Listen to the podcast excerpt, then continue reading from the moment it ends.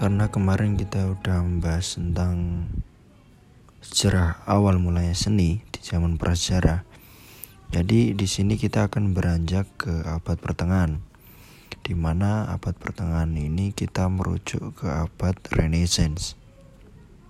Jadi seperti yang kita ketahui, Renaissance itu kan uh, sebagai banyak disebutkan sebagai abad pencerahan di mana banyak terjadi penemuan-penemuan yang mungkin belum terjadi di abad sebelumnya. Renaissance juga uh, banyak disebutkan dalam beberapa literatur itu merupakan sebuah gerakan budaya yang sangat mempengaruhi intelektual di Eropa, khususnya di wilayah Italia, Spanyol, sampai mungkin ke daratan Eropa yang lainnya. Dan Renaissance ini juga dirasakan dalam beberapa ilmu pengetahuan, di antaranya dalam sastra, filsafat, seni, musik, politik, agama, dan aspek lain di bidang intelektual. Dan salah satu yang terkenal di abad ini seperti yang kita ketahui, itu kan ada yang namanya Leonardo da Vinci itu. Jadi Leonardo da Vinci ini merupakan seniman sekaligus intelektual. Ketika ia menggambar sebuah lukisan, itu ia menggunakan sains dan matematika untuk mengukur anatomi tubuh manusia. Jadi tak jarang ketika kita melihat lukisan Leonardo da Vinci, itu kebanyakan yang ia lukis beraliran realis. Jadi awal mula eh, realis itu salah satunya diprakarsai oleh Leonardo da Vinci ini. Dan lukisan yang paling terkenal itu perjamuan terakhir atau dalam bahasa Italia itu La Ultima Cena atau dalam bahasa Inggris The Last Supper.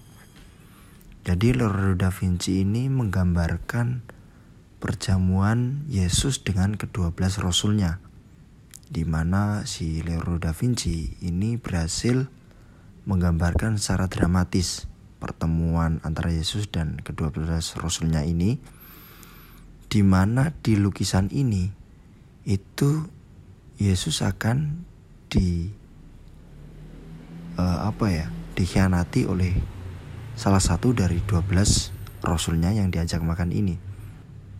Dan lukisan ini pun banyak mengandung kontroversi sampai sekarang karena banyak yang menyimpulkan bahwa banyak terdapat uh, kalau orang sekalang itu menyebutnya kode-kode atau banyak yang menyebutnya juga konspirasi itu di pojok-pojok dari lukisan ini itu ada sebuah kode yang di mana sampai sekarang itu belum terpecahkan gitu.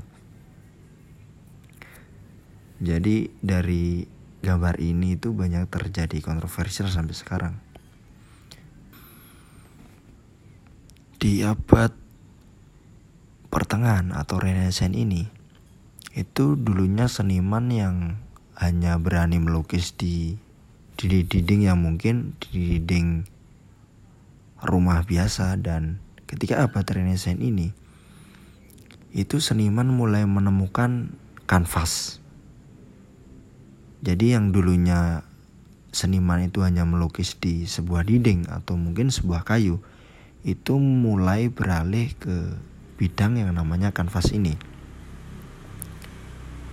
Dan dari sinilah cikal bakal munculnya madhab-madhab atau hmm, aliran-aliran lukisan yang baru. Salah satunya ada ekspresionisme, terus ada realisme.